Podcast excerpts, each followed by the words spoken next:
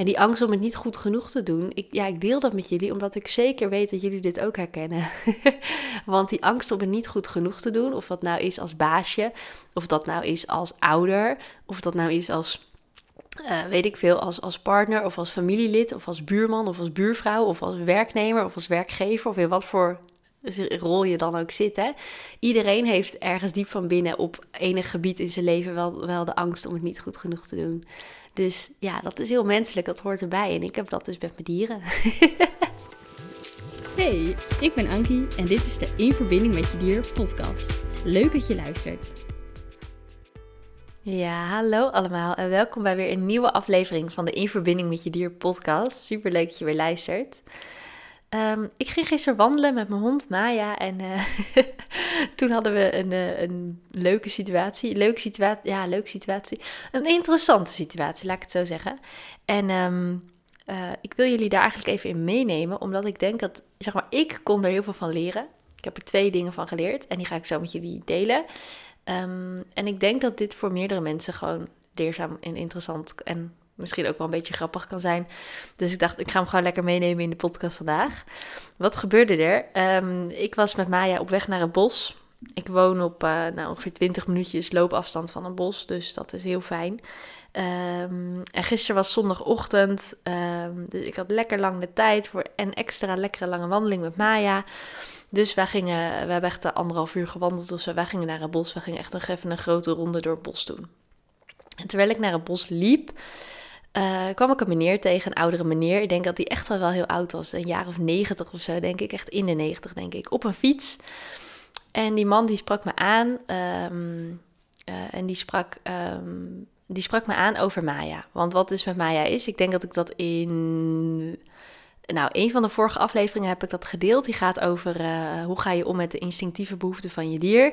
Daarin vertel ik over het proces waar ik nu met Maya in zit. Namelijk dat Maya vanuit haar instinct best wel uh, heftig reageerde op vogels.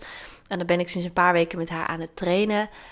Um, ja, als je precies wil weten hoe ik dat doe en wat ik, hoe dat zit en waarin ik zit, waar ik in dat proces zit, dan moet je even die aflevering luisteren. In, uit mijn hoofd is dat om, aflevering 128, maar dat weet ik niet zeker. Maar goed, je kan hem wel vinden als je gewoon even kijkt naar, naar, naar een van de afleveringen hiervoor. Da daar staat hij ergens tussen. Maar goed, ik ben dus met Maya daarmee bezig, ben mee aan het trainen en daarvoor krijgt ze beloningen, voerbeloningen. En Maya is ook nog een beetje te dik.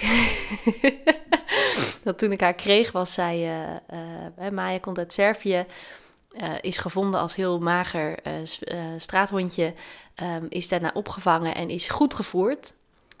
Een beetje te goed, maar wel heel lief bedoeld. Is gewoon een beetje te goed gevoerd. En toen ik haar kreeg, was ze behoorlijk rond. Uh, ze is al best wel wat afgevallen sinds ze bij mij is. Ik heb er nou vier maanden. Um, ze is gewoon al best wel wat afgevallen, dus dat is top.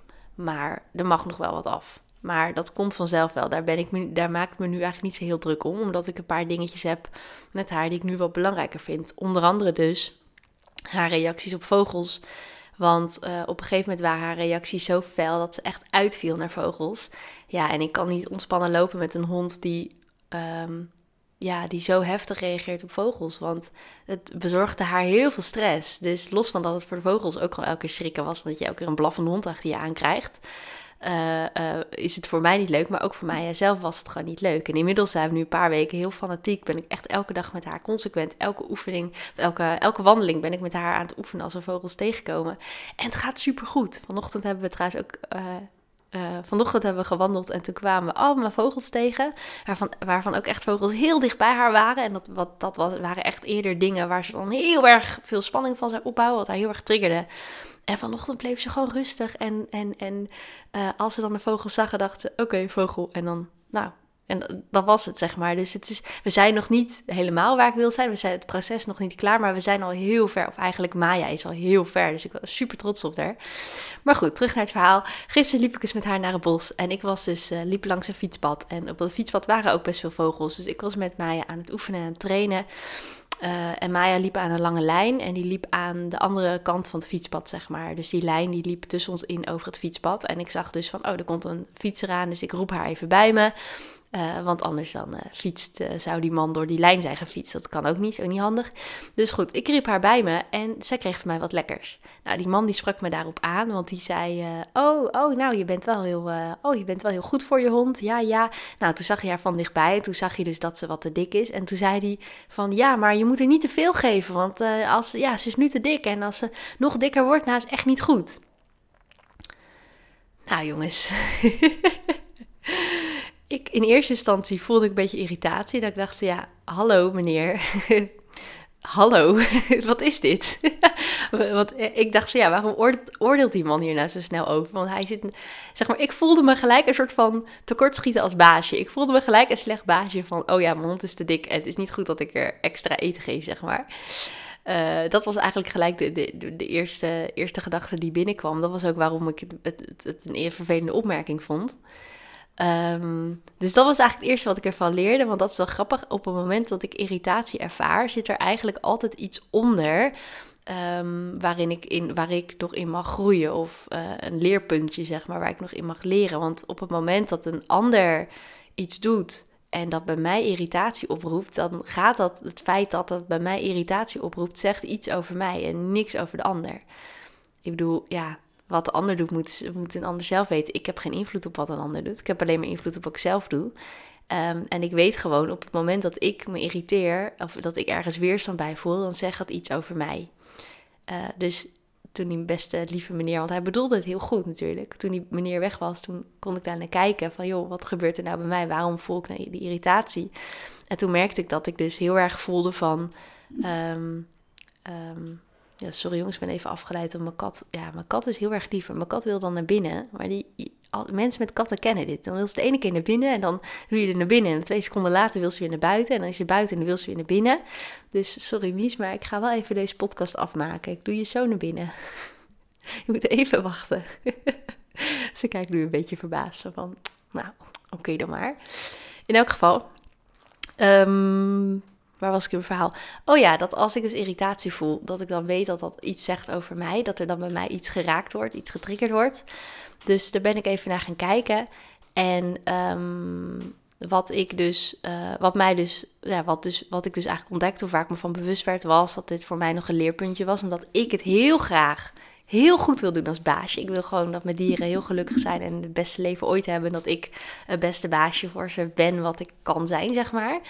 En op het moment dat iemand mij dan aanspreekt dat, dat een van mijn dieren te dik is, dan uh, voel ik me falen als baasje. En dat, dat gaat niet bewust. Dat is eigenlijk een onbewust proces wat dan even getriggerd wordt. Waar ik me dus inmiddels nu bewust van ben geworden. Ik heb het eerder ook wel eens gehad met mijn paard. Want mijn paard heeft gewoon, het is een fjord. Nou, fjorden hebben al wel wat aanleg, zeg maar, om, om gemakkelijk dik te worden. Uh, en daarbij ja, beweegt ze gewoon weinig nu, omdat ze een, een blessure heeft. Dus ja, het is wel echt een beetje ja, roeien met de riemen die ik heb, zeg maar. Ik doe er alles aan om haar eh, goed op gewicht te houden. Maar ze heeft wel gewoon wat. Ze is wel aan de volle kant. Ze heeft wel wat overgewicht. Hè? Voor, voor, voor haar gezondheid zou er denk ik best wel even wat af mogen. Maar goed, dat is een proces. En ik denk dat iedereen die, die, uh, die, met, die, die met dieren te maken heeft, die ook overgewicht hebben, die herkennen dat wel. Ja, het, het gaat er makkelijker aan dan dat het eraf gaat. Dus ja, eh, weet je, dus mensen hebben mij er ook wel eens op aangesproken op mijn, op mijn paard. En dat mijn paard dan aan de, aan de dikke kant is. En ja, dan vond ik het ook heel moeilijk. Dan voelde ik me ook een beetje falen als baasje. Want dan dacht ik van ja, ja.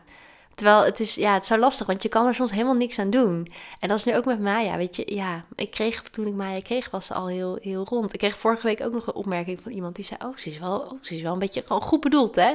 Die, dan, die haar dan, die Maya dan ontzettend lief vinden en, en ook graag willen dat Maya, net als ik, ook gewoon graag willen dat Maya gezond is en gezond blijft. Maar die ook zei van, nou, ze moet niet uh, dikker worden. En zei ik, nee, dat weet ik. Maar ze is al best wel veel afgevallen sinds ze bij mij kwam. Dus het zijn altijd hele lieve, goed bedoelde opmerkingen van mensen die het oprecht heel goed bedoelen. Die eh, eigenlijk het beste voor hebben, ook met mijn dieren. Ook al kennen ze mij en mijn dieren niet. um, maar goed, het feit dat ze daar dan een oordeel over hebben of daar een mening over hebben, dat, dat vindt, vindt mijn ego en mijn, mijn innerlijke criticus vindt dat heel moeilijk. Want die ziet dat als een soort van, van bewijs van, nou zie je wel, uh, Ankie, je doet het niet goed als baasje, zeg maar. Dus het fijne is dat ik me daar nu van bewust ben, want juist als je dat kunt zien, ja, dat is de sleutel tot groei, dat is de sleutel tot verandering. Ehm, en dat is ook de sleutel tot dat ik de angst om het niet goed genoeg te doen uh, um, kan loslaten of kan laten helen, zeg maar. En die angst om het niet goed genoeg te doen, ik, ja, ik deel dat met jullie omdat ik zeker weet dat jullie dit ook herkennen. Want die angst om het niet goed genoeg te doen, of dat nou is als baasje, of dat nou is als ouder, of dat nou is als, uh, weet ik veel, als, als partner, of als familielid, of als buurman, of als buurvrouw, of als werknemer, of als werkgever, of in wat voor rol je dan ook zit. Hè? Iedereen heeft ergens diep van binnen op enig gebied in zijn leven wel, wel de angst om het niet goed genoeg te doen. Dus ja, dat is heel menselijk, dat hoort erbij. En ik heb dat dus met mijn dieren. en daarom kan ik jullie vaak ook heel goed helpen. Hè? De, de, de baasjes waar ik mee mag werken als dierencoach, die begrijp ik vaak heel goed. Want die hebben dit ook allemaal. Daarom weet ik ook dat ik niet de enige ben hiermee. Dat is eigenlijk wel heel fijn om te weten. Dus daarom wil ik het ook uitspreken en met jullie delen. Omdat ik gewoon denk, nee, ik weet dat jullie hier ook wat aan gaan hebben. En ik weet dat ik hier niet de enige mee ben. Dus, nou ja, dat is even het ene ding. Um, en het tweede punt wat ik ervan heb geleerd is toch ook wel naar mezelf, ook voor mezelf, maar ook voor anderen, dat we dus echt niet zo snel kunnen oordelen. Want een oordeel is heel snel geveld. Daar zijn wij mensen heel goed in. Onze hersenen zijn er ook op ingericht, want vanuit ons oerbrein uh, bijna vanuit ons instinct zijn wij in staat om binnen een paar seconden te beoordelen of iemand uh, een gevaar voor ons kan vormen of niet. Of dat iemand juist te vertrouwen is of niet. Um, dat is ontzettend handig. Maar wij hebben ook, uh, ja, het, het, hele snelle oordelen kan soms dus ook heel veel nadelen hebben. Dus bijvoorbeeld bij de mensen die mij dan zien lopen met Maya. En Maya is nog aan, aan de stevige kant. Oké, daar mogen nog wat kilo's af, dat klopt. Um, op het moment dat mensen dan dus oordelen en denken dat, dat ik mijn hond te dik heb gevoerd. Ja, ze hebben geen idee. ze hebben geen idee dat ik Maya nog maar vier maanden heb. En dat ze echt heel rond, echt tonnetje rond was toen ze bij me kwam. En dat ze al best wel wat flink is afgevallen. Daar hebben ze geen weet van. En dat geeft niet. Um, maar dat is ook wel iets wat ik dan voor mezelf weer meeneem. Waar ik dan voor mezelf weer een les uit trek. Dat ik denk, ja, ik kan ook niet zo snel oordelen. En ik ben me daar al wel eerder al wel van bewust geweest. Dus ik probeer al niet al te veel te oordelen. Ik probeer ook wel als ik oordeel te kijken wat dat over mij zegt. Want het feit dat ik ergens een oordeel over heb, zegt, zegt ook weer wat over mij. Net als dat ik als ik ergens, ergens irriteer of ergens een weerstand bij voel. Uh, een oordeel zegt ook wat over mij. Uh, maar ook daarin, ja, ik kan gewoon niet te snel oordelen. Um, en, en dit is dus ook een beetje de les die ik met jullie wil delen. We kunnen niet te snel oordelen, want we weten nooit, we kennen nooit het hele plaatje. We hebben nooit alle informatie. We weten nooit hoe het voor de persoon in kwestie is. Je weet niet hoe het is om in, in, in de schoenen te staan van die ander. Je, weet nooit, je hebt nooit alle informatie, dus je kunt ook nooit oordelen. Ja, denk, ja ik denk dat ik dat wel. dat heb ik er wel echt aan meegenomen. En dus ook weer dat stukje van die stukje angst om, om niet goed genoeg te zijn. Wat dan even weer naar voren komt, wat even weer getriggerd wordt. Dus het mooie was ook dat doordat ik even naar mezelf kon kijken en kon kijken van oké, wat, wat zit hier bij mij, zeg maar? Wat voor stukje zit hier achter bij mij? Um, daardoor kon ik de irritatie die ik voelde ook loszien van die beste meneer die die opmerking maakte. Want dat was maar gewoon een toevallige voorbijganger. En het leuke was ook dat ik heb, uh, nou misschien een maand of twee maanden terug of zo, had ik op hetzelfde pad naar het bos dat ik daar liep met Maya, had ik ook iemand anders, andere persoon, die, ook, die ik ook tegenkwam op de fiets, ook een meneer, die ook zei van, uh, die fietste langs. En die keek naar Maya en die zei, nou ze, is wel, nou, ze is veel te dik of zo, zoiets riep hij. Maar hij fietste ook langs, dus hij bleef ook gewoon fietsen, dus hij stopte ook niet. Dus ik kon ook niet eens terugreageren. Maar ik weet nog dat ik toen veel geïrriteerder was dan, dan nu. Dus in die zin zit er bij mij al wat groei in. Uh, want toen dacht ik ook van, ja, hallo uh, beste meneer, waarom denk je dat dat ik hier loop. Ik ben met mijn hond naar het bos aan het lopen om haar beweging te geven, zodat ze afvalt. Wat denk je zelf? Dus toen was ik nog veel geïrriteerder. Uh, dus wat dat betreft uh, uh, gaat dat nu echt al een stuk beter. En voel ik, triggert het me al wel wat minder. Maar goed, het deed toch nog wel wat met me. Het raakte me ergens wel. Dus het was ook mooi dat dit gebeurde. Want deze beste meneer had er geen weet van natuurlijk. Maar ergens onbewust, zonder dat hij door had, heeft hij bij mij een stukje gespiegeld. En mij uh, eigenlijk laten zien waar ik nog wat uh, waar, waar bij mij nog groei zit, waar ik nog wat te leren heb. Dus dat is eigenlijk alleen maar mooi. Dus dat wou ik delen met je. Ik hoop dat je er wat uh, mee kunt en dat je er wat aan hebt. En um, ja, misschien herken je dat stukje wel van je niet goed genoeg voelen of, of bang zijn dat je het niet goed genoeg doet. Misschien herken je het stukje wel dat anderen een oordeel over je hebben. Nou ja, weet dat als een ander een oordeel over je heeft, dat dat meer zegt over die persoon op dat moment dan dat het zegt over jou en je dier. En weet ook dat je dus niet zomaar kunt oordelen over andere mensen en hun dieren, omdat je niet helemaal het hele plaatje kent en niet helemaal weet hoe het voor hun is. En natuurlijk zie ik soms mensen met dieren bezig en denk ik: oké, dat zou niet mijn manier zijn, of ik zou met mijn dieren anders aanpakken. Maar goed, iedereen zit daarin in zijn eigen proces en iedereen leert weer zijn eigen dingen en iedereen heeft weer zijn eigen lessen te leren. Dus het is echt niet aan ons om daar zomaar over te oordelen. Zelfs als je het hele plaatje kent, is het nog niet eens de bedoeling dat je oordeelt, denk ik. Maar goed, dat is best lastig, want onze hersenen doen dat vrij automatisch. Maar je kan je daar natuurlijk wel bewust van worden. Nou goed, ehm, ik ga hem afsluiten. Ik hoop dat je er wat, uh, dat je er wat mee, kunt. Deel deze aflevering ook gerust met andere mensen. Als je denkt, hé, hey, ik ken iemand die hier wat aan kan hebben. Stuur hem lekker door. Um, en laat mij even weten wat je van de aflevering vond. Want dat vind ik altijd leuk om te horen. Dus uh, voor nu, dankjewel voor het luisteren. En uh, tot de volgende. Leuk dat je hebt geluisterd naar de In Verbinding met Je Dier podcast. Vond je nou interessant? Deel hem dan vooral met anderen en laat mij weten wat je ervan vond. Wil je nou meer inspiratie en tips ontvangen? Volg me dan ook op Instagram, dierencoachankie. Tot de volgende!